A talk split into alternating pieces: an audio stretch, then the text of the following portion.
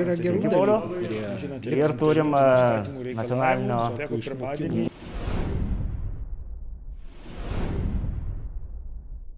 Tai sveiki visi, toliau tęsiam neredaguotą pokalbius ir šiandien, kaip matot, pasikvietėm žmogų, su kuriuo reikėtų kalbėti matyti apie rinkimus ir kalbėsim apie rinkimų sistemos siūlymus. Andriu Višniauskas, sveiki, Andriu. Malonu.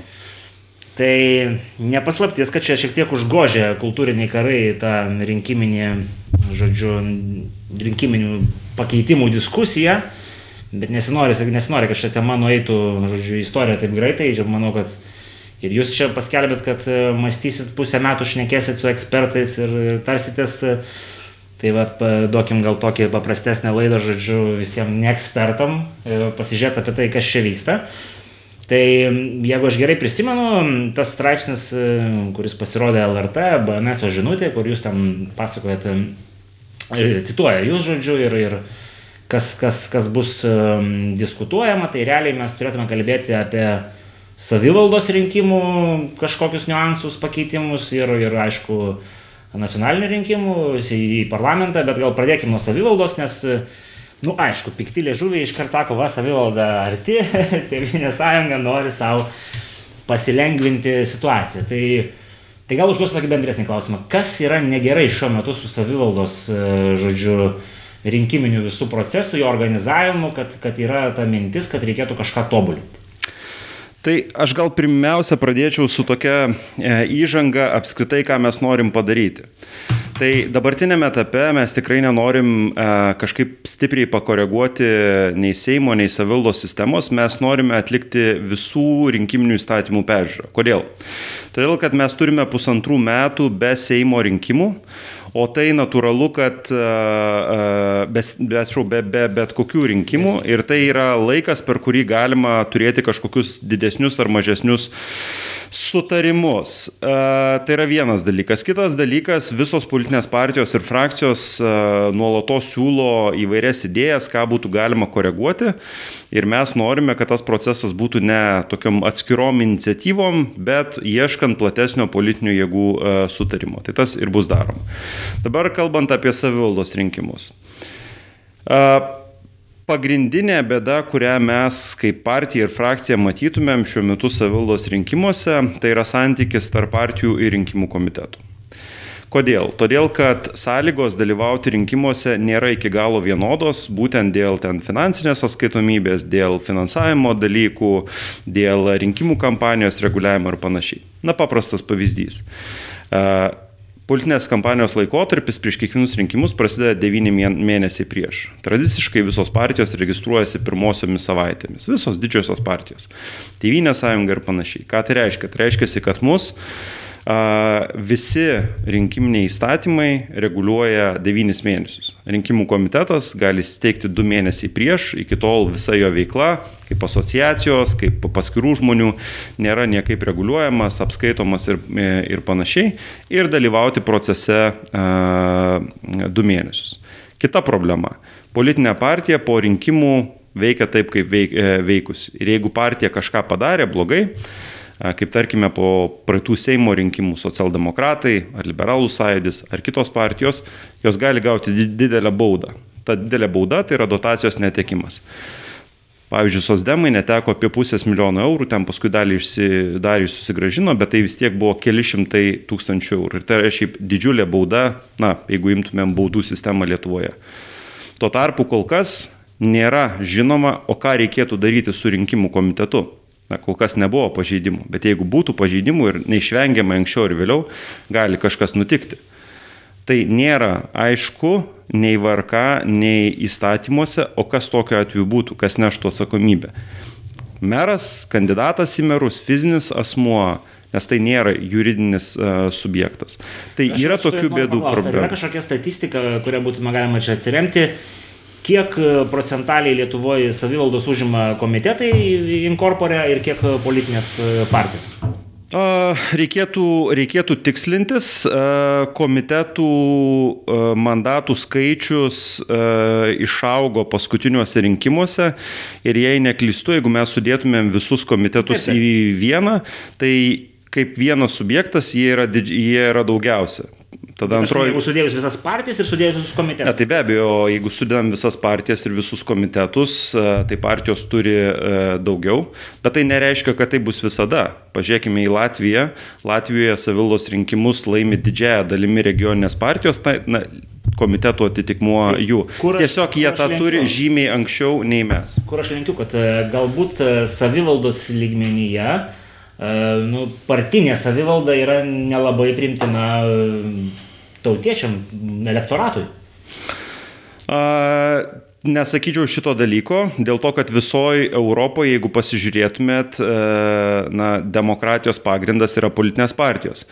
Ir tiesiog kitose šalyse yra ganėtinai aiškiai apibriešta konstitucijoje, kad e, politinės partijos yra na, pagrindinės organizacijos, kurios dalyvauja rinkimuose. Tokia yra jų paskirtis. Tai čia gal tokia istorinė, tada paklausiu iš karto, tasme, Interpo komitetai, kieno čia buvo, kokios čia politinės jėgos valdymo laikotarpiu buvo atėjęs į Lietuvą, žodžiu, pakeitimas.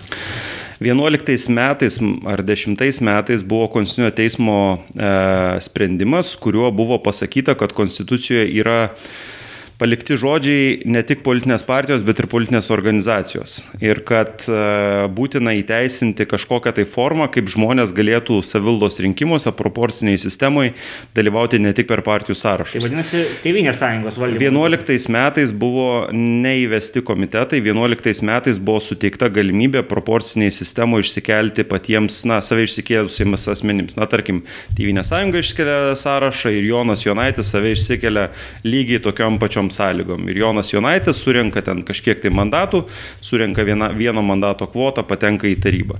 Tiesa, tada buvo kita problema, atsirado tokių kandidatų, man atrodo, Širvintose vienas toks buvo žymiausias, ne, ne Pinskuvinė, tuo metu dar Pinskuvinės horizonte nebuvo. E, žmogus surinko 15 procentų balsų. Ką tai reiškia? Tai reiškia, kad jisai galėjo su savimi atsivesti dar 3-4 žmonės, bet jis buvo išrinktas vienas ir visi kiti balsai sudegė. Ir ta sistema tokia atrodyta gan keista. Tai mes neįvedėm komitetų, komitetai buvo įvesti, man atrodo, sosdemų valdymo metu kažkada 13, 14, 15. Bet jau kaip jūsų klausant e, šitos minties Tai gal tiesiog e, reikėtų supaprastinti politinių partijų steigimosi tvarką ir komitetai taptų politinėmis partijomis, mažiau reikalautų kiekio ir tie procesai išsispręstų.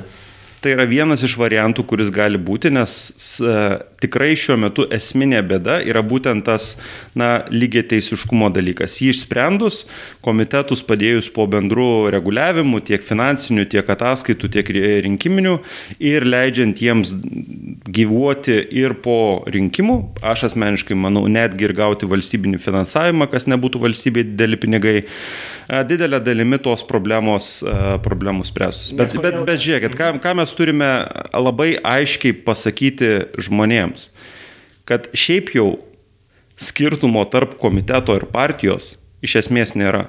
Tai yra tas pats politinis subjektas, taip pat dalyvaujantis rinkimuose, taip pat turintis programą, kandidatus, merus ir diskriminacinė, pozityvioji diskriminacija, tas reglamentavimo prasme, jo? Žiūrėkit, yra likusios spragos, e, tai nėra vienintelis įstatymas Lietuvoje, kuris yra koreguojamas, na, žiūrint į praktiką. Tai tiesiog taip yra. Ne, tai viskas čia yra ok, aš tiesiog dar norėjau tą mintį pridėti, kad yra statistika, kiek Lietuvoje žmonių yra ne tik politinėse partijose, bet ir visuomenėse organizacijose. Ir, nu, mes kaip tauta, kaip valstybė per mažai dalyvavom e, šitame sektoriuje Taip. ir dėl to nu, politinės partijos irgi nėra tarp populiarių, sakykim taip, veikėjų. Tai va, aš, aš, žiūrėkit, aš sutinku su tuo dalyku ir aš turiu tokią nepopuliarią idėją netgi savo bendruomenėje. Mhm. E, gal dabar, aišku, su, sukritikuosit. Su bet aš ją pasidalinčiau. Aš manau, kad uh, pribrendo laikas, nes yra toks dalykas kaip politinių partijų įstatymas, kuris numanto, kad partija turi turėti pirmininką, turi turėti kolegelius organus ir panašiai, panašiai. Aš tikrai manyčiau, kad reikėtų įvesti prievolę visoms partijoms būti žymiai atviresnėms. Pavyzdžiui, pirmininką turėtų rinkti visi partijos nariai. Pat... Jau norisi man sakyti, repliką, bet aš laikausi. Tuoj, tuoj. E, visiems partijos e, nariams ir sudaryti galimybę e, šiek tiek lengviau tapti partijų, partijų nariais. Tai tai tuo jūs paminėsit mūsų partijos pirmininko rinkimus, bet aš sugrįžčiau keletą savaičių atgal ir kaip mes matėme tą procesą ir į ką mažai kas atkreipė dėmesio šiaip jau. E, jeigu Tevinės sąjungos pirmininko rinkimai būtų įvykę, neatsimant e, kandidatams kitiems nei Gabrielius Landsbergis, tai pirmą kartą Lietuvos partijos, bet kokios partijos istorijoje, mūsų pirmininko rinkimuose būtų balsavę ne tik partijos nariai, bet ir partijos rėmėjai. Kas tai yra partijos nariai ir rėmėjai? Partijos narių tu tampi e, tokiu būdu užpildai anketą, paraišką, skyrius, skyriaus taryba balsuoja, ar tave priimti ar nepriimti. Na, tokiu atveju, kad nepriimtų žmogaus, tiesą pasakius, aš nežinau, nors ilgai esu šitoj partijai, bet vis tiek tai yra gan ilga tokia procedūra, kur tu prisistatai bendruomenė ir panašiai.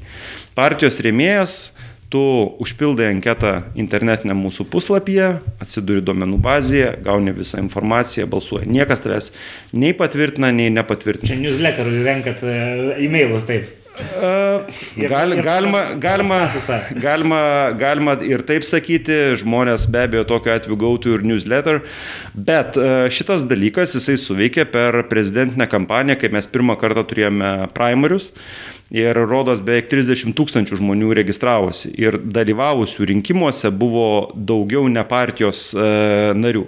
Tai mes norime plėsti, įvesdami tokį remėjo statusą ir tokiu būdu atsiverti visuomeniai.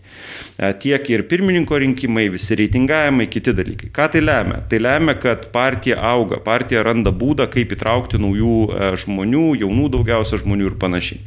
Dabar iš karto užbėgant už akių dėl partijos pirmininko rinkimų. Tai ką aš galiu pasakyti?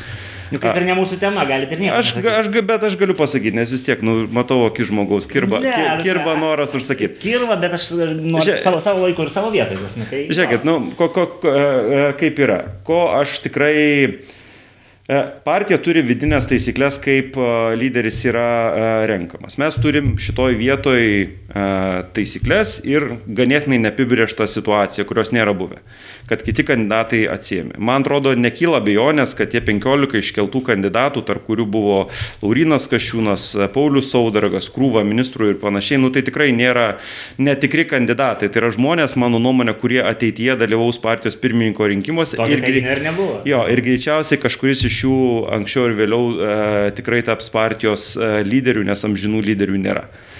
E, mes susidūrėm su situacija, kai tiesiog kandidatai savo valia atsiemė kandidatūras. Organizuoti partijos pirmininko rinkimus su vienu kandidatu, net ir balsuojant už prieš, būtų labai sudėtinga. Kas spaudoje nenu, nenuskambėjo, yra vienas toks niuansas. Pas mus partijos pirmininko rinkimuose reikalingas kvormas, tai yra 50 procentų rinkėjų a, balsų. Na, jūs įsivaizduokite procesą, kad ir 50-50 procentų žmonių dalyvaujant rinkimuose, kai visi žino, jog laimės vienas kandidatas tiesiog, nu, nes už ar prieš, nu, tai aišku už, nu kas čia per klausimas. Nu, tai, tai klausimas tai, nu, nėra jau visiškai, ta prasme, tai, jeigu pasirinkimas yra. Mielas kolega, aš labai kviečiu, kai pasibaigs pandemija, bus vat, mūsų visokie skyrių visuotiniai susirinkimai, nuvažiuoti ir klausyti žmonių nuomonę. Tai yra truputį šiek tiek skir, skir, kitokia nuomonė, nei kartais girdime viešoje erdvėje iš rinkėjų ir panašiai. Suponuoja, tai man neky... Su, suponuoja tą mintį, kad e, yra toks e, grandiozinis palaikymas, kad nekyla minties. Aš net nebejoju tuo. Supratau, aš net nelabai noriu ginčyti šią temą, galbūt jisai ir yra ir viskas čia normalu, tasme, čia jau atskiri faktoriai. Grįžkim prie savivaldos. E, vienas dar iš tų dalykų, kuris kažkaip tai buvo keistai priimtas, kad neva jum kliūva tiesioginiai mero rinkimai. Tai gal išsiplėskim šitoj, šitoj potėmiai. E, mūsų partija visada nebuvo šalininkė tiesioginių merų rinkimų ir 15 metais, man rodo, kai buvo įvedinėjama, mes, mūsų didžioji dalis nebalsavo už, buvo balsuojančių už ir kritikuojančių, tai mes visada buvom šalininkai tos senosios, nu, tokios labiau proporcinės e, sistemos. Tai čia nieko nuostabaus nėra. Kas tikrai įvyks šį pavasarį, tai Konstitucinis teismas turi skelbti sprendimą byloje dėl ar tiesioginiai merų rinkimai atitinka Konstituciją. Bet ES direktyvos nėra tokios, kuri mus įpareigoja turėti tiesioginius savivaldos rinkimus? Ne, nėra. Nėra. Ne, ES tokių demokratinių procesų ne, negali įtakoti. Spekulacija buvo, kad ne. neva mes įsivedėmės, Europą norėjo. Ne. Mes įsivedėm tiesioginius merų rinkimus dėl to, kad sosdemai mane, jog tai bus žiauriai populiaru. Supratau. Nu, Konkrečiai Juozas Bernatonis. Jeigu, jo, kai, cituoja, kai Tėvynės sąjunga cituoja Jozą Bernatonį, ten tam, tam, tam tekste LRT portalė irgi buvo. E, Bet aš sulaukiau labai gražaus laiško iš Juozo Bernatonio. Nežinau, ar čia glosto jums saviveiklą. Aš tikrai, aš tikrai, žiūrėkit, e, aš nesu tas politikas, kuris pjauna į kažkokius tai žmonės. Į, Aš, sen, ma- į senus bebrus. aš aš aš manau, kad e, iš tos patirties, kurią turi Juozas Bernatonis ar te Gediminas Kirkilas ar pat- arba tas pats Zenonas Vaigauskas, jie turi kompetenciją, žinias ir bent jau išklausyti tą tikrai įmanoma. Ir tą reikės padaryti, manau. Tai jo, pritariu, kad išklausyti sveiką yra sveika. Dar dėl mero toks klausimas yra, kuris e, irgi kyla visuomeniai, kad yra problema, jeigu meras kažką prisidirba pagal dabartinę tvarką, jį gali nuimti STT, FNTT, bet jeigu tai yra kažkokia, nu, grei, grei zona, pilka zona, jo niekas negali e, kažkaip nuimti, žodžiu, nes Taip. anksčiau būdavo taryba, Taip. renka, taryba atšaukia. E, Kokie čia galimi variantai? Tas, ar jūs norėtumėte iš vis atsisakyti tiesioginių mero rinkimų, ar kažkaip tai kažką reorganizuoti? E, Nemanau, kad šiuo metu yra įmanoma sugrįžti į senąją sistemą, todėl kad e, tiek yra visuomenės lūkestis, kad bus tiesioginiai merų rinkimai, tiek jau yra dviejai rinkimai įvykę ir tai yra faktas. Bet e, va, būtent tai, ką ir pats sakai, tą reikėtų greičiausiai ir koreguoti. Nes kiek aš žinau tą bylą konstituciniam tei- teisme, kiek aš skaičiau patį, na, sakykime, taip ieškinį, tai ten kaip tik yra ir kalbama apie tiesioginių merų rinkimų santykių su mero galiomis. Kas yra meras? Ar jis yra vykdomoji valdžia ar atstovojomoji valdžia? Kitaip tariant, ar jis yra administracijos direktorius ar savivaldybės tarybos Pirmininkas. pirmininkas. Mhm. Nes greičiausiai taip kaip pat tie, kurie kreipėsi, ten buvo plati įvairių partijų grupė, 40 keli Seimo nariai, jų, kaip suprantu, mąstymas yra, buvo toks, kad uh, turi būti atskirta. Ir nuo seno yra ta diskusija, nu, kad turi būti arba taip, arba taip, bet negali turėti visų galių, kaip, kaip ir, ir dabar. Nes dabar, pavyzdžiui, tą pat, to, to paties administracijos direktorius be mero a, teikimo tu negali paskirti. Meras turi galę neteikti klausimo į darbo tvarkę.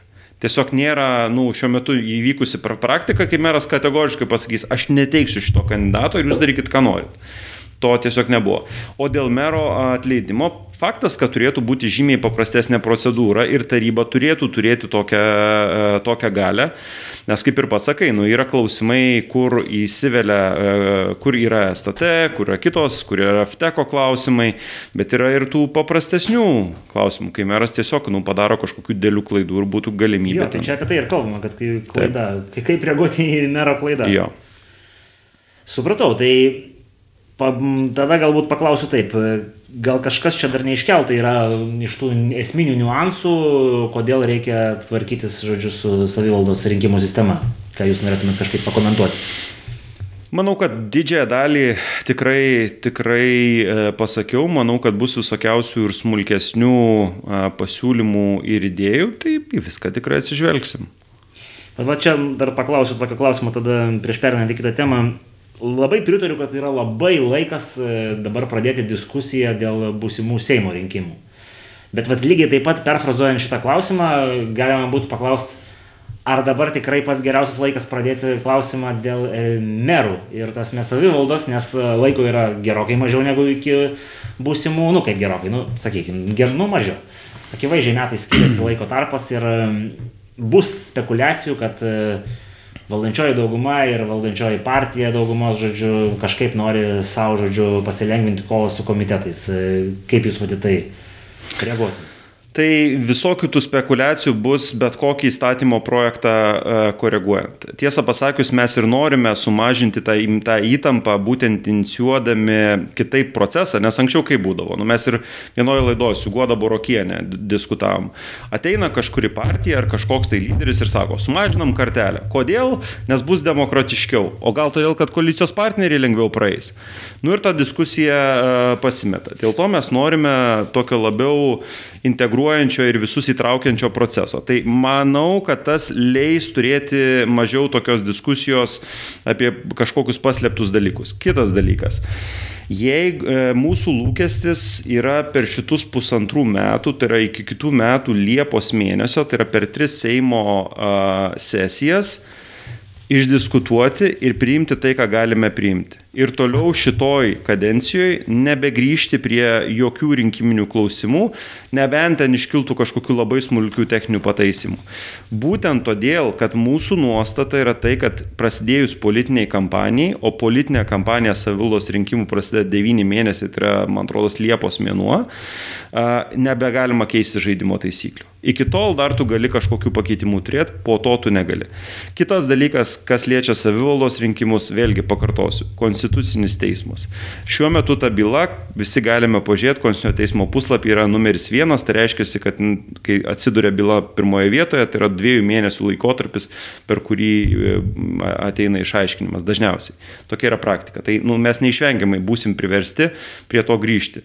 Teismas ką gali pasakyti, jis gali pasakyti, kad tu ten, tarkim, turit pusę metų susitvarkyti ir tada įsigalioja įstatymas. Nu ir viskas, ir turėsim turėsim tą padaryti. Arba gali pasakyti, kad, nu, ten įsigalioja po, kit, po savivaldos rinkimų. Nu, tai nu, gal... Aš tą norėjau pasakyti, tai matyti, jeigu tai darytumėt po savivaldos rinkimų, tai jau niekas negalėtų prikišti, kad čia kažkaip tai esat, žodžiu, suinteresuoti. Jo, bet žiūrėkit, e, supraskim dar ir tą dalyką, kad neišvengiamai artėjant savivaldos rinkimams mes Seime sulauksime net ir paskirų Seimo narių iniciatyvų dėl savivaldos rinkimų.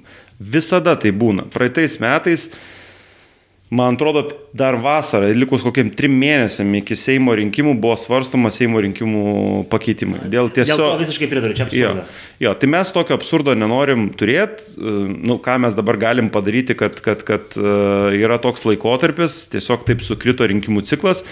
Kitas dalykas, ką turėkit omenyje, tai Kitais metais Liepos mėnesį prasideda savilos rinkimų ciklas ir praktiškai politinė kampanija nebesustoja iki pat Seimo rinkimų nes praeina savivalda, kelių mėnesių labai trumpas, trumpa pertrauka ataskaitom, prasideda prezidento ir, ir Europos parlamento, tada Seimo ir žodžiu jau visas tas traukinys važiuoja iki galo.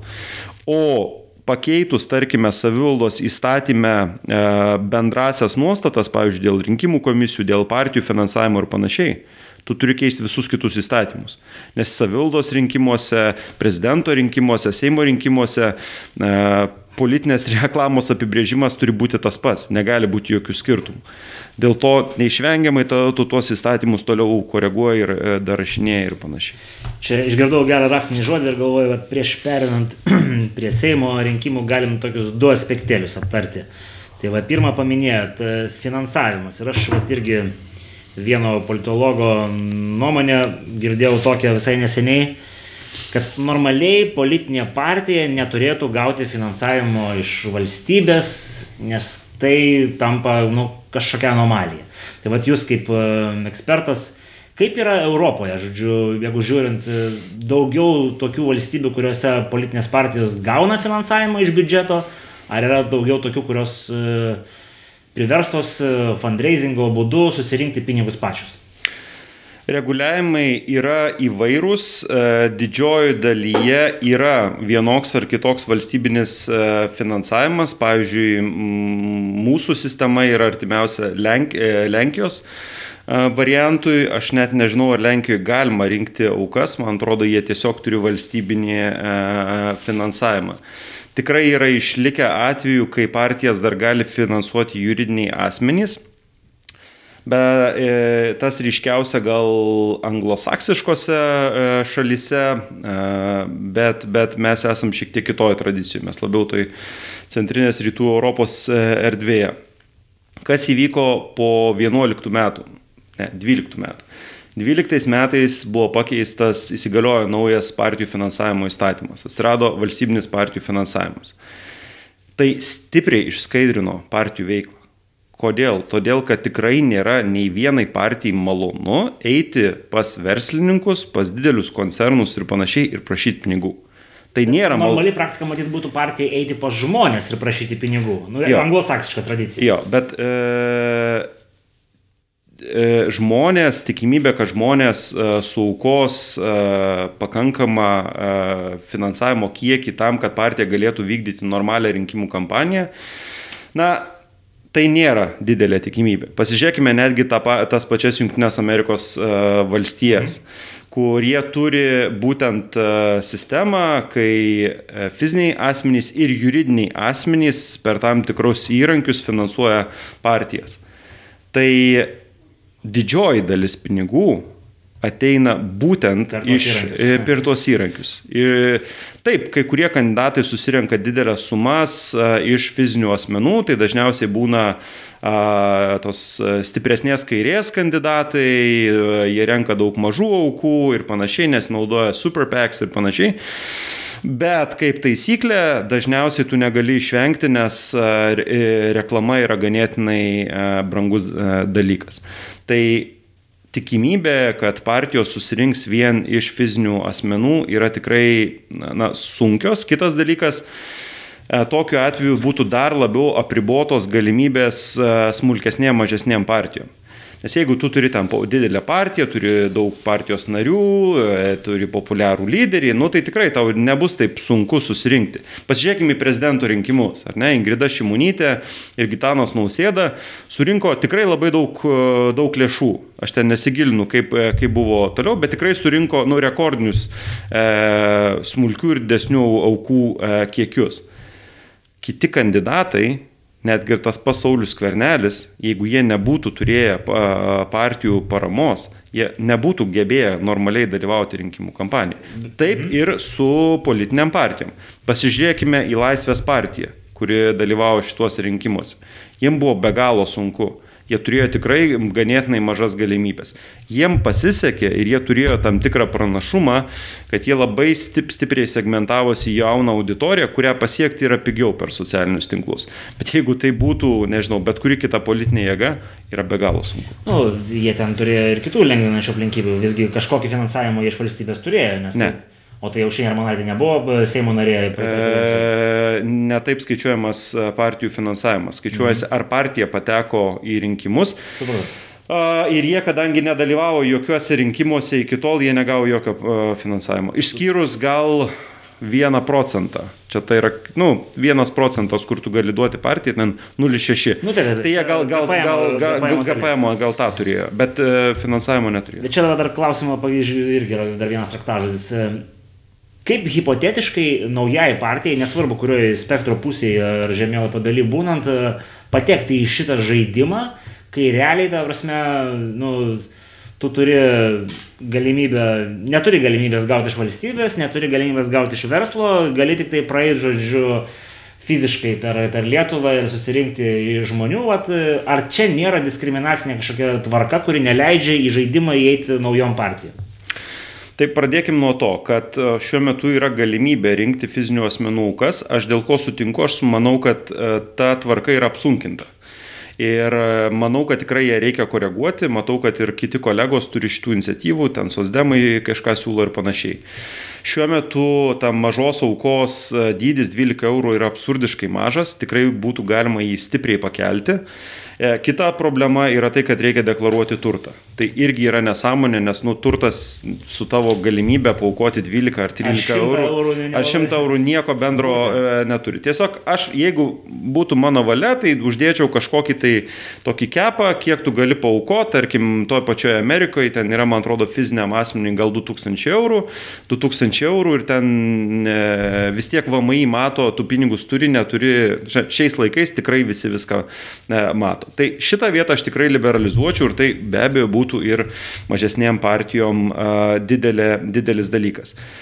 Kur yra problema? Nu, jūs įsivaizduokite mažesnę partiją ar ne ir e, kaip sureguliuoti, kad jinai galėtų gauti kažkokį valstybinį finansavimą. Pagal partijos narių skaičius, atsimenat, buvo prieš dešimt metų tokia krikščionių partija, jie turėjo vieną skandalą.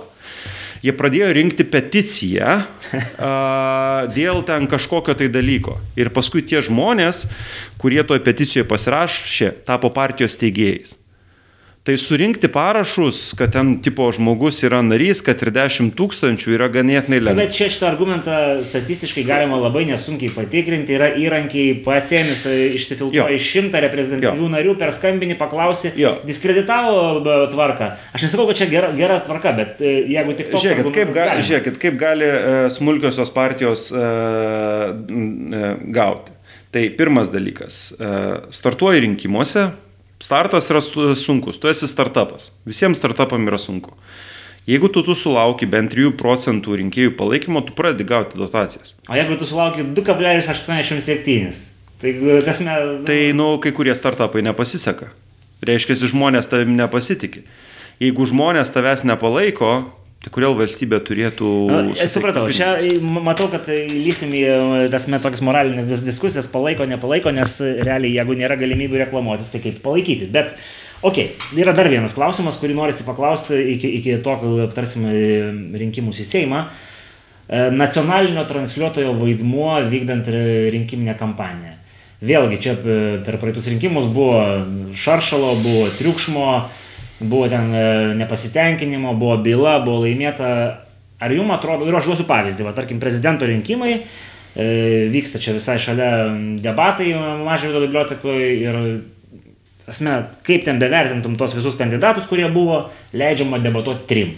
Ir sakoma, mes neturim, žodžiu, galimybės parodyti, tarpu ten kokioje Amerikoje per primarius 20 žmonių sutalpa į sceną ir visi sugeba padebatuoti. Taip. Ar nėra čia diskriminacinio elemento per nacionalinį transliuotoją, kuris turi didžiausią auditoriją, pasisme, jisai kažką išfiltruoja jau prieš rinkimus? Jo, aš pradėčiau nuo kitos pusės. Aš pradėčiau nuo tų pačių savildos rinkimų. Jeigu prisimenam paskutinius savildos rinkimus, kai LRT buvo įpareigotas uh, visiems kandidatam, visiems sąrašams suteikti vienodas sąlygas pasisakyti į eterį, mes matėm, kas, kas buvo. Buvo kažkokia nesąmonė, kur visi pasisakydavo penkias minutės, niekas to nežino, nežiūrėdavo ir jeigu tu pabandysi tą dalyką įdėti į tiesioginį eterį, nu tai tu tiesiog užkimši eterį vieną mėnesį, transliuosi penkia minutės e, kažkokių kandidatų, kurie nei, nei patiems įdomu dalyvautos rinkimuose, nei jie turi ką pasakyti. Bet nebūtina visiems duoti penkias, galbūt galima sąrašą sąrašui duota kažkam, nu, tas yra. Ne, tai būtent, būtent ir duodama kiekvienos savivaldybės, kiekvienam sąrašui, plus kandidatų į merus po penkias minutės. Tai buvo padaryta. Tai toks buvo ir, man atrodo, ir teismo sprendimas. Ir gavosi nesąmonė. Todėl, kad sąrašų yra 60 savivaldybių, kuriuose yra mažiausiai 10 sąrašų. Tai dirbtinė problema. Nebūtina visai Lietuvai matyti, ką diskutuoja Visaginas, Šilutė. O kaip, o kaip, o kaip parodyti per nacionalinį transliuotoją akmenėje? Tai va, tai, čia, čia, tai. čia geras klausimas. Ja. Tai va, dėl, tai, žiūrėkit, galbūt aš, nacionaliniam transliuotojui e, savivaldos rinkimuose nereikėtų dalyvauti. Žiūrėkit, aš pasakysiu savo nuomonę. Aš manau, kad e, nereikėtų nacionalinio transliuotojo apskaitai apkrauti tokią e, prievolę. Pradėkime nuo to. Savivaldos galbūt ne, galima sutikti. Ne, Visuose rinkimuose. Bet tai žiūrėkit. Palauk, palauk. Okay, žiūrėk, žiūrėk, kaip aš įsivaizduoju sistemą. Atskirkim nacionalinį lygmenį ir atskirkime vietinį mhm. lygmenį. Nacionaliniam lygmenyje, ką aš daryčiau, aš leisčiau partijoms susitarti ir netgi susimokėti už tuos debatus. Taip kaip yra Amerikoje. Amerikoje respublikonai ir demokratai už debatus susimoka. Junktiniai karalystiai konservatoriai, leiboristai, libdemai taip pat susimoka už debatus. Bet čia klausimas ne ir, čia, aš suprantu, jo, sumokėti galima nesumokėti. Jo, nu gerai, bet, bet pats principas, gali žiniasklaidos priemonės daryti ir nemokamai. Bet vienas kriterijus yra tiesiog susėsti politiniam jėgom ir sutarti, kad žiūrėkit, yra tradicija, mes e, debatuojam. Aišku, tai reiškia tam tikrus apribojimus, kad, nu, partijos gal nesutars, kad koks nors Juozaitis dalyvauja debatuose, nes, nu, sorry, bet tai nėra greičiausiai kažkoks labai rimtas e, kandidatas. Taip kaip ir Junktiniai karalystiai. Nu, de, diskutuoja trys pagrindinės partijos, bet uh, Vels, Velso partija nu, nedalyvauja tuose debatuose. Ar ten Škotijos nacionalinė partija. Jo, bet mes čia jau lyginam tas tai, žiūrėkit, visiškai žiūrėkit, rinkiminė sistema, žodžiu. Jo, žiūrėkit, tai, tai dėl to uh, lengviausias būdas išspręsti problemą - leisti po, patiems politiniams žaidėjams sutarti. Jie gali ir nesutarti, gali būti ir toks variantas. Dabar kalbėkime apie vienmandatės ir apie savivaldos rinkimus. Geriausias būdas yra nešvaistyti tų resursų, kuriuos dabar skiria varka, pirkdama kažkokias laidas ten portaluose ar ten televizijose, kurių niekas nežiūri. Bet pavyzdžiui, nukreipti tas lėšas į nevyriausybinį sektorių. Šiuo metu savivaldoje ir vienmandatėse kokybiškiausius debatus suorganizuoja arba vietinis koks nors ten jaunimo klubas su laikraščiu ir vietinė televizija, arba pavyzdžiui, žinau ką renku. Tai yra tikrai kokybiški debatai, aš kaip kandidatas dalyvavęs e, ne vienose juose tiek e, savivaldos, tiek Seimo, tiek ir Europos parlamento rinkimų, nuoširdžiai sakau, kad Tai yra aukštesnio lygio debatai, kuriuos organizuoja moksleiviai. Aš visiškai, visiškai nesiginčiu, dėl, visiškai pritariu dėl savivalos ir dėl, dėl, dėl tasme, kompeten, ne tai, kad kompetencijos, bet kokybės. Bet Pagrįžkim tada, pavyzdžiui, prezidento rinkimai, kur mes tikrai neturim tos problemos kaip savivalda. Aš, aš pavyzdžiui, sakyčiau, kad e, šitą mandatą nacionaliniam transliuotojui filtruoti reikėtų iš vis išmesti ir problema dingtų. Bet asme, čia, čia... Bet tai čia per yra- prezidento rinkimus nebuvo filtruota. Tie Taip dab, nebuvo. tie, Tai aš, aš, ne, aš daviau pavyzdį, Ne, buvo, da- buvo, buvo, žodžiu, prieš tai nebuvo turą. nacionalinio transliuotojo debatai, tai buvo BNS debatai. Ten, kur Jozaičio neįleido ir jisai protest, protestavo. Tai nebuvo. Nacionaliniam transliuotoje buvo visi kandidatai išrikiuoti ir kalbėjo. Ok, BNS debatai. Aš tiesą sakant dabar ne, negaliu ginčytis, nes reiktų pasitikrinti, ar ten buvo BNS, bet jeigu jūs sakot, tai Nu, vadinasi. man taip atrodo, kad, kad taip aš atsimenu. Gerai, tai nelyskim toliau nacionalinio transliuotojo klausimus, pabandykim tada grįžti prie, prie Seimo rinkimų tvarkos. Tai gal nuo tokio bendresnio, tai kas negerai su tradicinė nusistovėjusia tvarka? Pirmas dalykas, kad a, prieš kiekvienus Seimo rinkimus mes privalome keisti vienmandačio apygardų teritorijos. Tai yra konstitucinis reikalavimas ir, man atrodo, yra konstitucinio teismo a, rodos išaiškinimas, ką tą reikia daryti. Tai lemia, kad dėl a, tiek vidinės migra migracijos, tiek dėl emigracijos a, apie 30 procentų vienmandačio apygardų Lietuvoje per kiekvienus Seimo rinkimus keičiasi.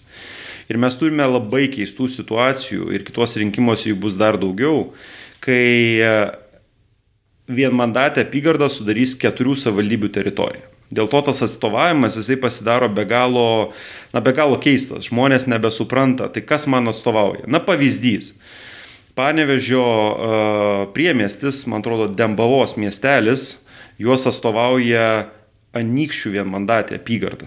Tai yra beveik 100 km, nu gerai, ne 100, gal 80 Čia iki braižymo klaida. Ne, tai nėra braižymo klaida, nu tiesiog tu kitaip negali nubraižyti teritorijų. Šiaip nuoširdžiai galiu pasakyti ir manau, kad visos partijos e, patvirtins, Lietuvoje nėra gerrymanderingo, nes yra labai aiškios taisyklės, ten geografija, turi, ne, ne, neturi skirti upės ir kiti dalykai, yra ganėtinai sudėtinga nubraižyti kitais būdais. Ir bent jau partijos tikrai paskutinius du ciklus sutarė, kad nu, tai, kas nubraižyta, tai yra nubraižyta. Tai e, tiesiog tu kitaip negali sudėlioti, nes turi būti vi- visos vienmandatės apygardos ten plus minus 10 procentų paklaidos ribose vienodos. Tai a, dėl to žmonėm kyla ganėtinai daug a, klausimų ir ypatingai, kai tu eini agituoji kaimuose, tas labai jaučiasi. Iš kitos pusės miestai didieji, jie pučiasi, vienmandatės apygardos, jos siaurėja, mažėja, na, tu turi didelius daugiabučius ir juose, juose ta agitacija vyksta. Tai iš vienos pusės atstovavimą šiek tiek iškreipia, tiek ir rinkimų kampanijas padaro labai keistas. Na, įsivaizduok e, rinkimų kampaniją kur nors e, Žemaitijos šiaurinėje apygardoje, kur nuo akmenės, e, nuo žagarės yra iki skuodo beveik miestelio. Taip, nu, beveik per visą Lietuvą turi pra, pravažiuoti šiaurinę dalį ir tai yra viena vienmandatė apygarda. Tai yra kokios apimtys ir kaip atrodo rinkimų kampanija ten ir kur nors, pavyzdžiui, Vilniui Fabioniškių mikrorajone, kurį per tris dienas tu gali apeiti dor to doro būtų su savanoriais. Tai tas šiek tiek iškreipia ir mūsų nuomonė yra problema. Kita yra problema, Bet ar čia užtektina problema panaikinti tasme sistemos dedamai? Gal reikia kažką pergalvoti? Galbūt, o galbūt galima ir keisti sistemos dedamąjį. Tai nežinau, nu, tai apie tą reikia diskutuoti. Aš sakau tai, tai kokius argumentus aš turiu. Kitas argumentas. A, Konstitucijoje aiškiai parašyta, kad kiekvienas Seimo narys atstovauja tautai, visai tautai, ne vienmandatė apygardai. Kur yra problema? Mat jeigu tu būtum išrinktas vienmandatė apygardoje, taip kaip aš, tu susidurtum su vienu, net ir neišrinktas, jeigu turi biurą kur nors regione, žmonės ateina, įs- įsivaizduokim, su kokiais klausimais žmonės ateina. Savivaldos klausimais pas e, Seimo narį. Pensijos, negražintos žemės, e, susipykau su kaimynu, savivaldybė neduoda kokio nors leidimo ir panašiai. Tai neturi nieko bendro su tavo tiesioginiu darbu, tai yra statymų leidyba.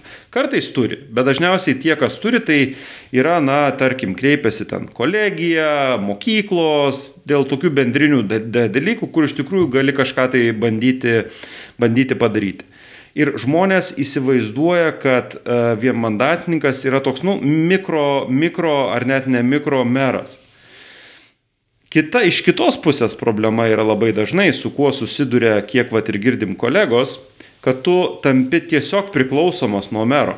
Yra tokių situacijų, kai meras liepia vienmandatininkui eiti ten Vilniuje ir išgauti pinigų, nes kitaip jis nebebus vienmandatininku. Ir tokių bėdų yra. Ir tą reikia pripažinti, kad tai nėra geras ir skaidrus dalykas, nes Seimo narys negali išmušinėti pinigų. Šiaip Seimo narys tiesiog negali to daryti dėl pakeisto biudžeto įstatymo. Nėra vipų, nėra kitų dalykų. Sistema yra ganėtinai išskaidrinta ir čia kreditas Sauliaus Kvernelio netgi vyriausybei gali būti. Bet va, čia aš noriu šito vietą paklausti tą klausimą. Tarkim, Didžioji Britanija neturi daugiau mandatės, turi tik vieną mandatą. Kaip jie, pavyzdžiui, sprendžia tokias problemas, kad nes, nesikirstų vienmandatininkas, žodžiu, su, su, su savivalda? Uh, jie turi kitokią, vienas dalykas, jie turi kitokią savivaldos sistemą, man atrodo, jie neturi tiesioginių merų rinkimų, jie turi žymiai lakesnį dalyką. Kitas dalykas, pas juos e, vienmandatės apygardos ir pati sistema yra labiau nusistovėju, e, nusistovėjusi. Uh, bet aš manau, kad yra tų pačių problemų, tiesiog gal pas juos taip yra įprasčiau. Mes visgi esam, nu, jie turi parlamento rinkimus Nu, jau keli šimtus metų, ja, dabar nepasakysiu. Nelygintini dalykai. Mes, mes turim 30 metų. Tai mes esam tikrai tam laikotarpyje, kai mes dar galime diskutuoti apie savo rinkimų sistemą. Po 30 metų, jeigu bus lygiai tokia pati sistema, mes tikrai negalėsim diskutuoti, nes tai, tai jau bus nusistovėjęs. Šitoje vietoje, kaip tik, kaip sakoma, ir, ir, ir paklauskim, žodžiu, nu gerai. 30 e, metų negalima, 60, galima keisti 60 metų negalima.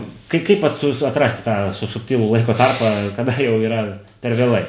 Uh, vienas iš konstitucijos kuriejų, uh, gerbiamas uh, Sinkevičius, vienoje laidoje sakė taip, kad rinkimų sistemą reikia keisti tada, kai jinai pradeda kliudyti.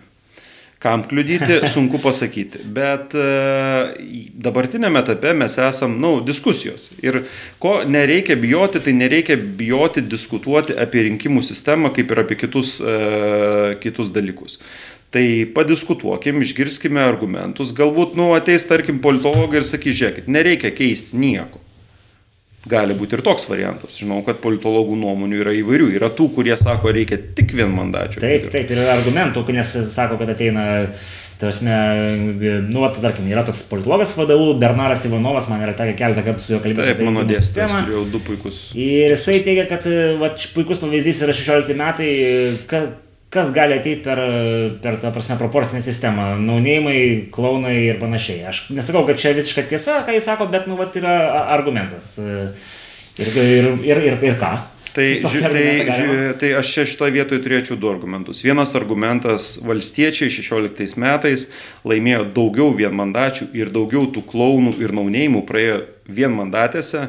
Nu gerai, paminėsiu, gal negražus dalykas. Ar atsimenate tokį Seimo narį Laurą Stasevičių? Ir kuris buvo išrinktas? Ne, tikrai neatsimenu. Niekas neatsimena. Mes darėm Kaune fokus grupę, šito žmogaus negalėjo atpažinti nei vienas fokus grupės e, narys. Darėm... Jis Kaune laimėjo vienmandatę. Ir jis Kaune buvo laimėjęs vienmandatę. Mes darėm apklausą, jisai buvo mažiau žinomas nei mažiausiai žinomas Tevinės sąjungos savivaldybės tarybos narys. Žmogus per keturis metus pasisakė iki dešimt kartų, man rodos, parlamente, registravo porą įstatymų. Tai man, ir jis buvo laimėjęs vienmandatę. Žiūrėkit, ką reikia suprasti apie vienmandatės apygardas. Mes turime iliuziją, kad vienmandatėje apygardoje mes ateiname ir renkame asmenį.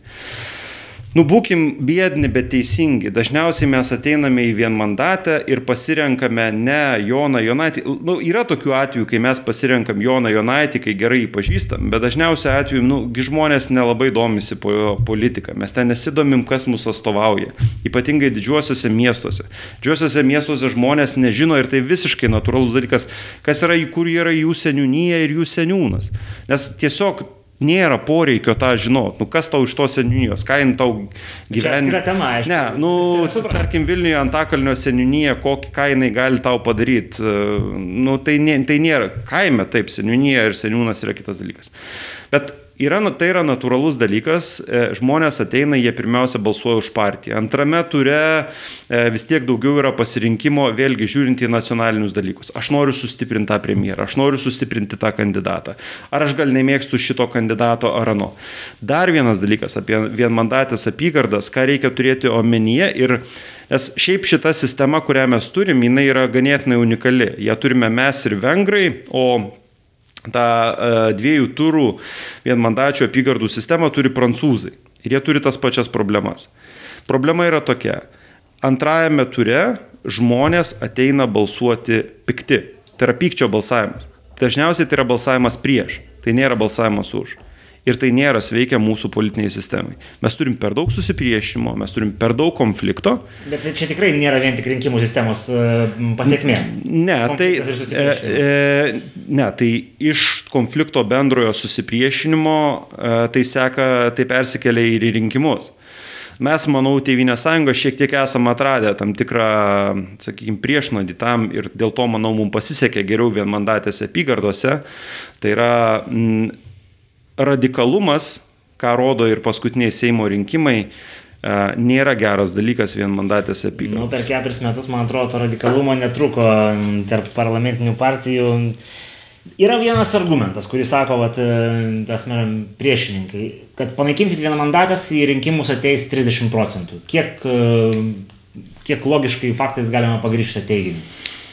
Na, pasižiūrėkime kitų šalių pavyzdžius, tos, kurios turi proporcinius rinkimus - Lenkija, Latvija, Estija pas visus aktyvumas yra labai panašus, apie 50 procentų. Vadinasi, nėra statistiškai galima to pagrysti ne. nieko. E, čia tikriausiai turime omenyje Europos parlamento rinkimai, bet Europos parlamento, nes jie yra proporciniai, vieninteliai. Bet čia yra kitokie rinkimai, negali jų lyginti. Jo, jų negali lyginti, jie turi savo problemas, galbūt ir savildos rinkimuose būna mažesnis aktyvumas, bet vėlgi tai yra susiję tiesiog nu su pačiais rinkimais. Tai statistiškai nėra to, nėra, nėra, nėra mažiau.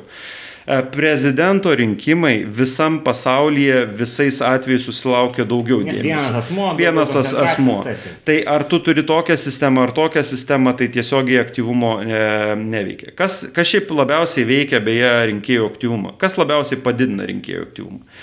Rinkėjų aktyvumą labiausiai padidina e, labai aktyvi partijų e, kampanija ir labai artimas skirtumas tarp dviejų pirmųjų žaidėjų kai tu matai, kad laimėtoje gali skirti vienas ar du procentų, e, procentai. Vienas ar du balsai, nes vienas ar du balsai pasidaro įdomu. Tačiau žmonėms natūraliai pasidaro įdomu. Yra tam tikra intriga.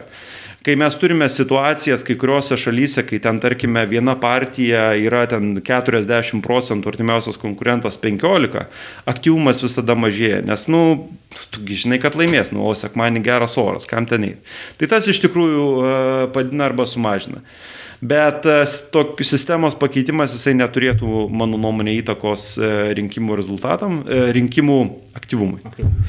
Yra dar vienas priešininkų argumentas, kuris, nu, turi šiokios tokios iliustratyvios faktologinės medžiagos, tai kad jeigu mes turėtume tik proporcinę sistemą, nu, čia hipotezė, nes nesakau, kad jūs siekit, kad jinai būtų tik tokia, šiai dienai tai realiai sąrašas taptų priklausomas nuo politinės partijos lyderio, lyderės, nes nu, mes žinom, kad Lietuvoje yra ta pakankamai tokia aiški subordinacija politinėse partijose, tai nėra tokia kažkokia plati organizacija.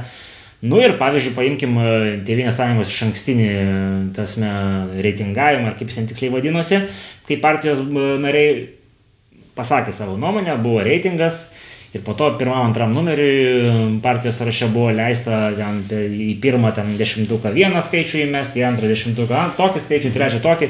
Pas socdemus irgi ten buvo niuansų, kad buvo galima ten per keliasdešimt vietų pakelti, nuleisti žmonės. Ar netampa tada politinė partija kažkokia keista organizacija, kuri labai, nes nu, mes suprantam, kad jeigu tu esi sąraše 70-oje, 60-oje vietoje tavo šansai yra vienokie, jeigu tu esi nuo 10 iki 20 e, kitokie ir jeigu tu esi 10 dar kitokie. Jo, tai e, šitą problemą galima uh, spręsti truputį kitų kelių. Tai vienas dalykas, kas ją sprendžia, tai kad mes turime uh, proporcinėje dalyje atvirų sąrašų sistemą, kai žmogus gali reitinguoti ir man atrodo tai yra geras dalykas, kurį bet kuriuo atveju reikia išlaikyti, nors žmonės iki galo irgi nesupranta. Žmonės kaip... gal neperskaito 140, jie paskaito iki 10 ir, ir iš to 10 vis tiek. Aš nežinau, ar tokie skaičiai yra iš tikrųjų. E, yra, yra, ten, yra ten tų niuansų, tai susiję labiau su edukavimu, kas tai yra reitingavimas, aktyvesnė rink, galbūt proporcinė dalis sustiprintų būtent tą agitavimą reitingavimui, visko, visko gali būti. Bet tai sprendžia problemą, nes tu gali matyti tam tikrus šuolius, kurių ganėtinai dažnai pasitaiko. Kitas dalykas, jeigu problema yra partijų sąrašų uždarumas, tai reikia pabandyti ir galima per partijų įstatymą tą paspręsti. Nu, tai pavyzdžiui, įvesti tvarką, kad visi partijos nariai turi, bent jau visi partijos nariai turi dalyvauti reitingavime, o neskiriaus tai, ten, tai yra partijos taryba kažką tai daro, ar lyderis. Ir viskas, ir ta problema sprendžiasi. Dabar kalbant apie galimybės partijų lyderiam E, koreguoti sąrašus. E, aš manau, kad tas turėtų išlikti kažkokią tai apimtimi. E, apimtimi. Ir, Bet kodėl? Vat priežastis. Jo, tai paaiškinsiu. Todėl, kad kartais būna tokių situacijų, kai tu turi žmonės, kurie, na, tarkim, dirba rinkimų kampaniją. Ar ne? Tu, na, paimkim pavyzdį, ar ne? Ten Seimo narys Andrius Višniauskas e, ir vat mano kolega dirbantis su rinkimais įvykintas e, Vaitkevičius.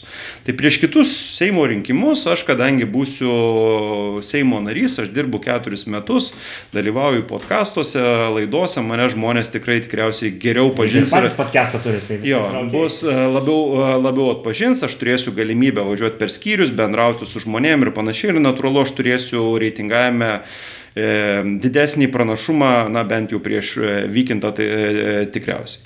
Bet jeigu jis dalyvaus rinkimuose ir vadovaus rinkimų kampanijai pasirengimui, tai pirmas dalykas, niekas jam, nu tiesiog, nu, tu esi, tu dirbi rinkimuose, niekas tau ten neleis važinėti po skyrius ir užsiimnėti savigę agitaciją.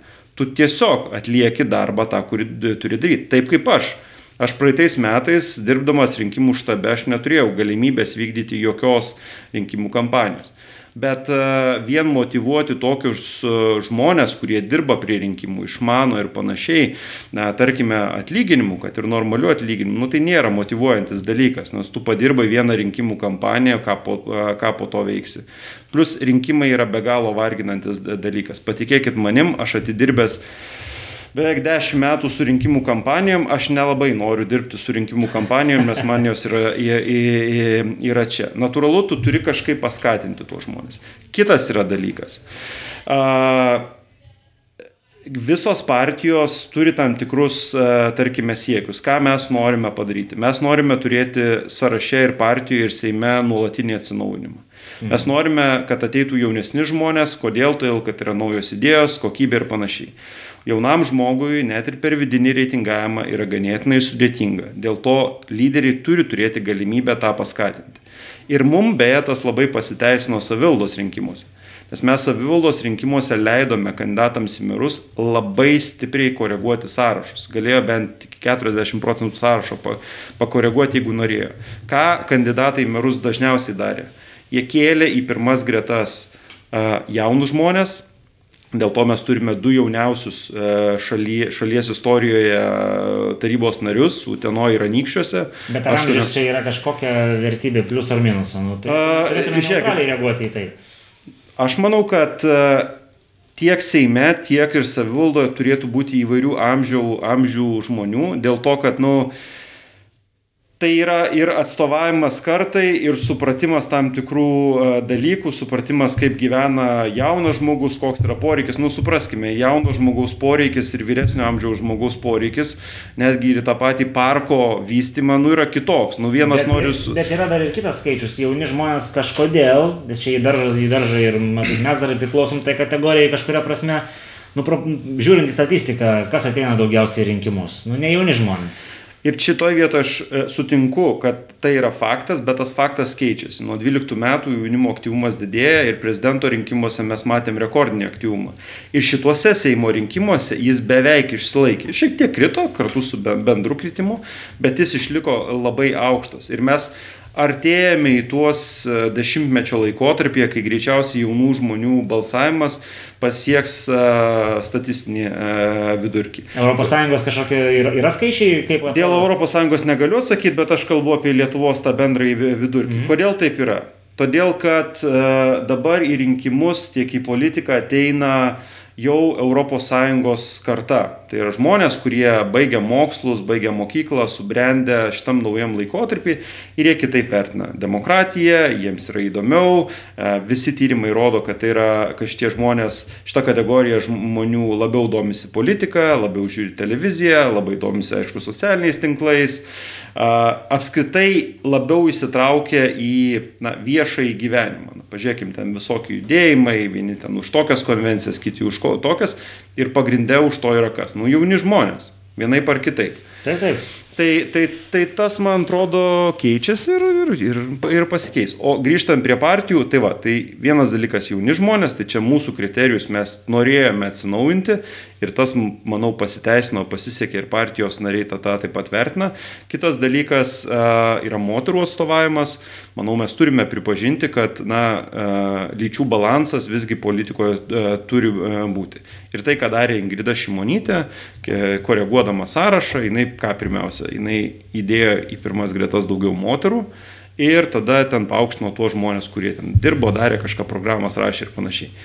Tai... Aš, aš esu demokratijos šalininkas, galvoju, kad tai turėtų nuspręsti patys rinkėjai, ir, ir, o partijos kontekste partijos nariai, bet... Sak, vadinkim bet tai, tai pozityvę diskriminaciją. Jo, supratau. Tai dabar keletą klausimų tada dėl pačios tos e, sistemos. Vat e, čia kai kur būna toks kaip juokas pateikiamas, jum prijaučiantis politologas, bet, nu, bet kokiu atveju apie rinkimus tai yra vienas iš daugiausiai kalbančių politologų, kalbu apie Maždą Jastramskį ir e, pas jį buvo, nežinau ar vis dar yra, bet anksčiau tikrai buvo toks siūlymas, kad e, tiesiog turėtų iš vienmandatyčių kažkokios sankaupos gimti daugiau, daugiau mandačių, sąrašų, žodžiu, apygardų Lietuvoje.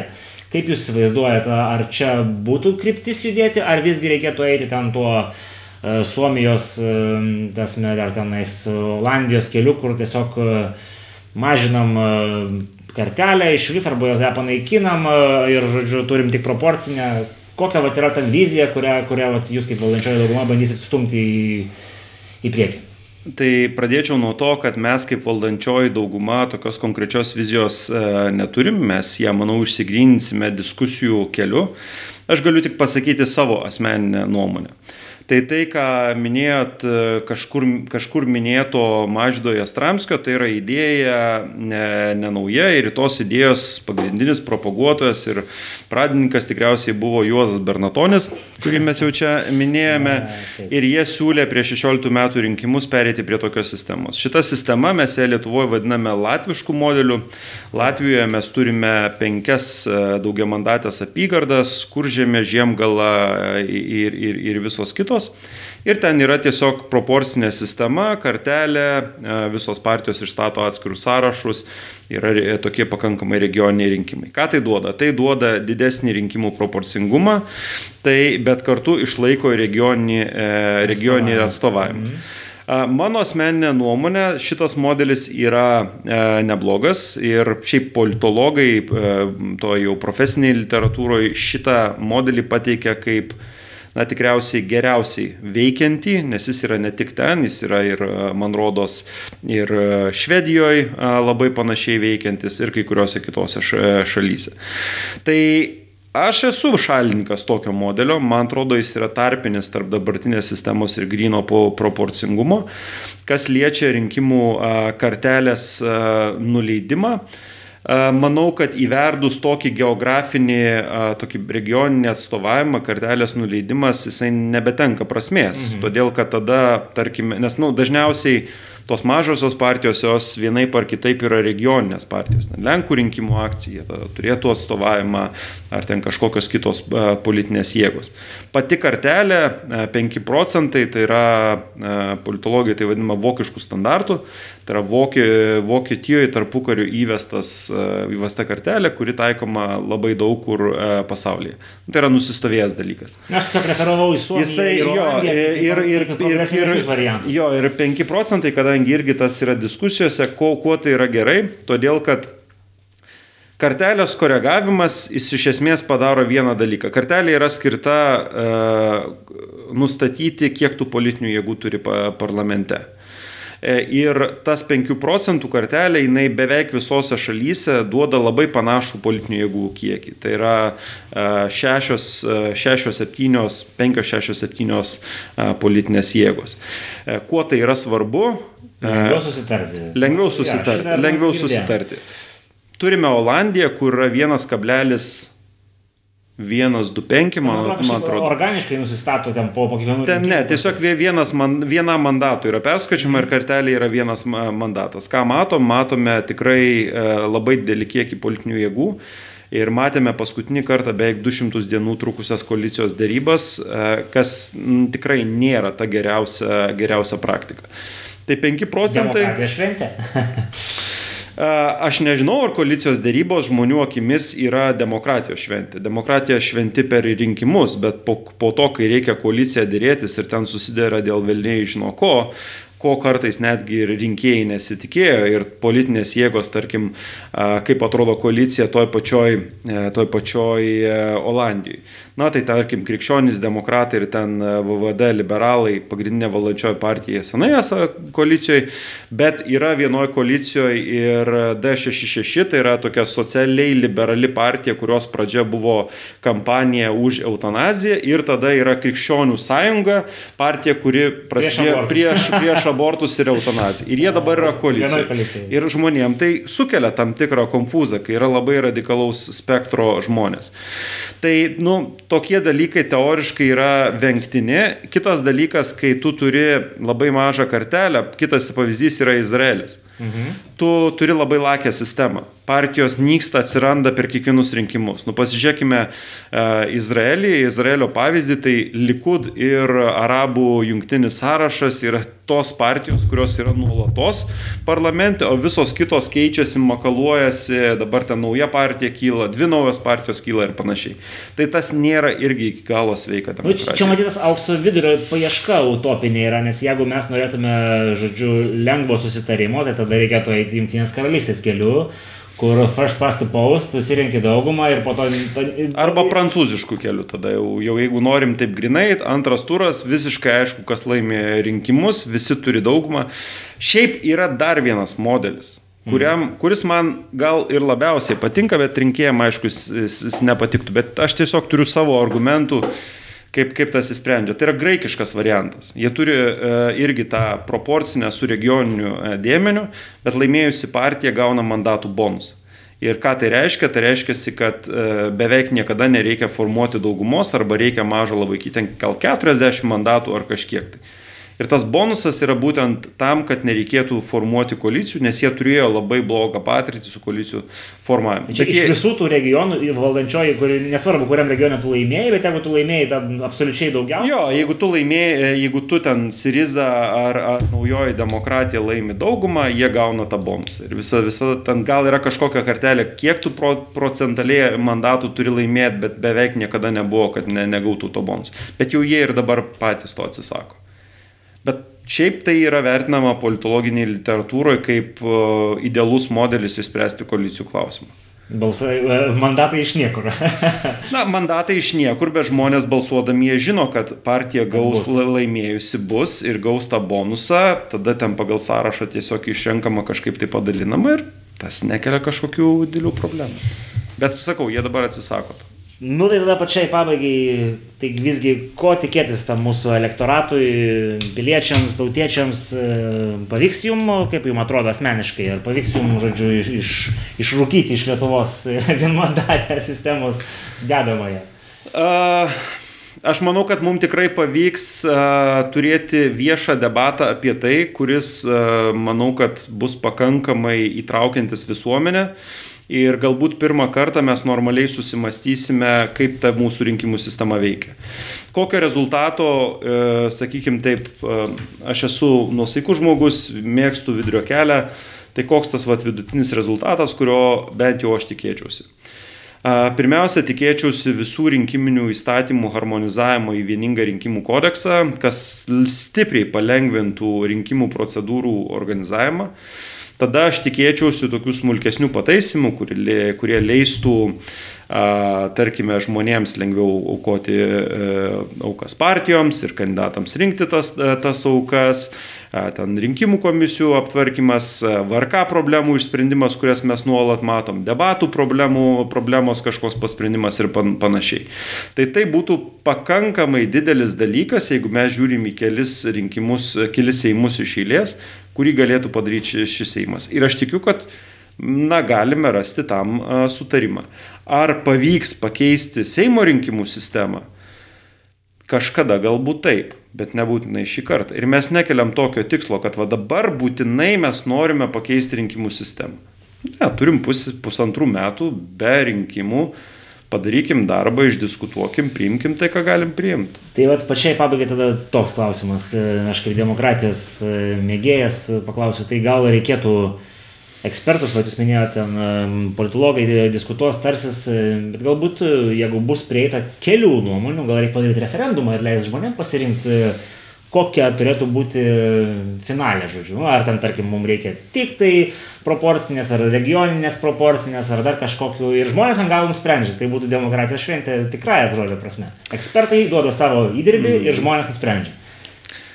Na, e, šitas kelias e, tikrai yra įmanomas, e, bet ką turėkime omenyje, na, pasižiūrėkime, kiek pas mus buvo referendumų, kurie buvo pavykę paskutinis referendumas dėl Seimo narių, karte, Seimo narių skaičiaus mažinimo. Tas tai absurdiškas. Žiūrėk, ne, ne, bet... bet pilietybės galbūt.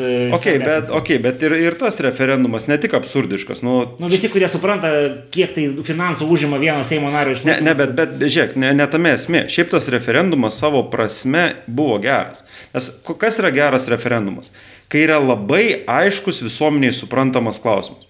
Pavyzdžiui, labai blogas referendumas yra dėl atominės energetikos, nes 99,99 ,99 procentai žmonių negali pasakyti, kas yra atominė energetika, Norėt kaip tai veikia. Kas įdarė, bet... aš sutinku ir aš manau, kad tai buvo klaida. Tai buvo klaida, kad buvo pasiduota e, Seime įvairiam jėgom.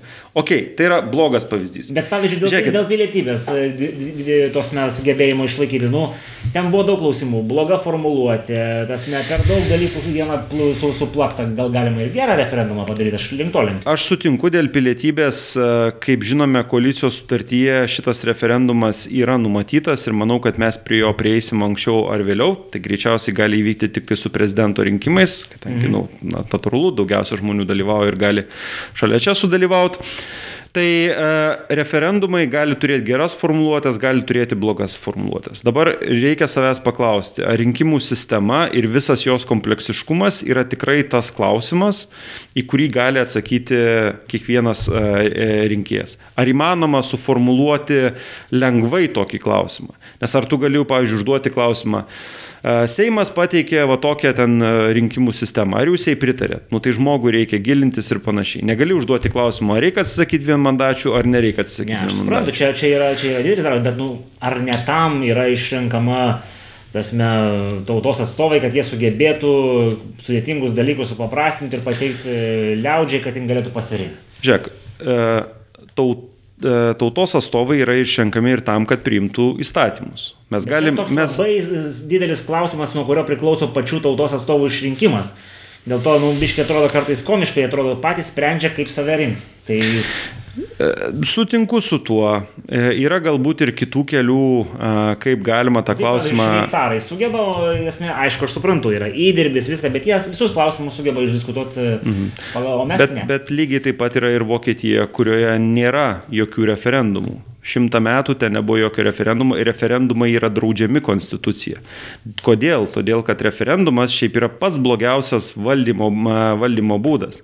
Nes referendume, kaip ir rinkimų kampanijoje, tu gali manipuliuoti žmonių jausmais ir kitais dalykais. O žmogus ateidamas į referendumą neturi vadovautis jausmais, jis turi vadovautis racionaliu šaltų protų. Bet mūsų konstitucijoje yra.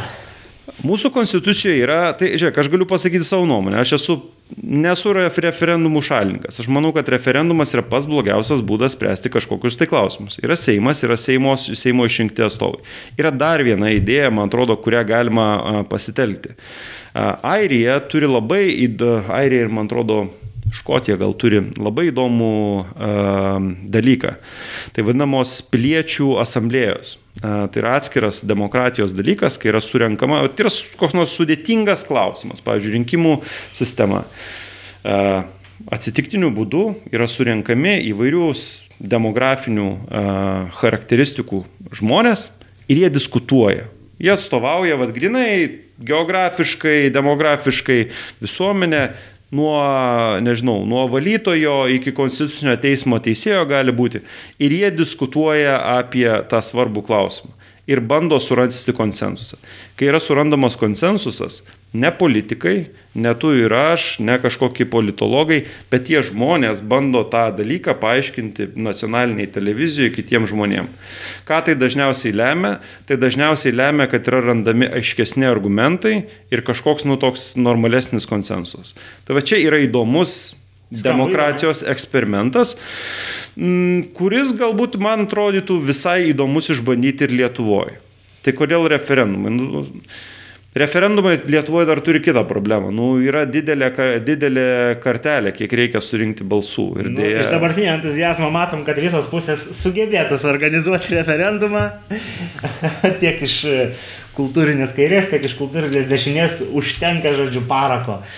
Bet aš supratau, čia retorinis klausimas, aš suprantu, kad čia mes nerasim atsakymo, bet kokiu atveju, manau, kad palyginus tą kuklų straipsnį BNS, kurį perspausdino Lietuvos, kaip ten vadinasi, LRT portalas. Taip pat Delfis 15 minučių, Alfa LT. Ir, ir mūsų, nu, aš kalbu apie patį pirmą, tai šiek tiek e, praplėtėm galbūt e, tą temų, žodžiu, klausimų ir, ir, ir visų šitų niuansų akiratį. Tai bet kokiu atveju dėkui.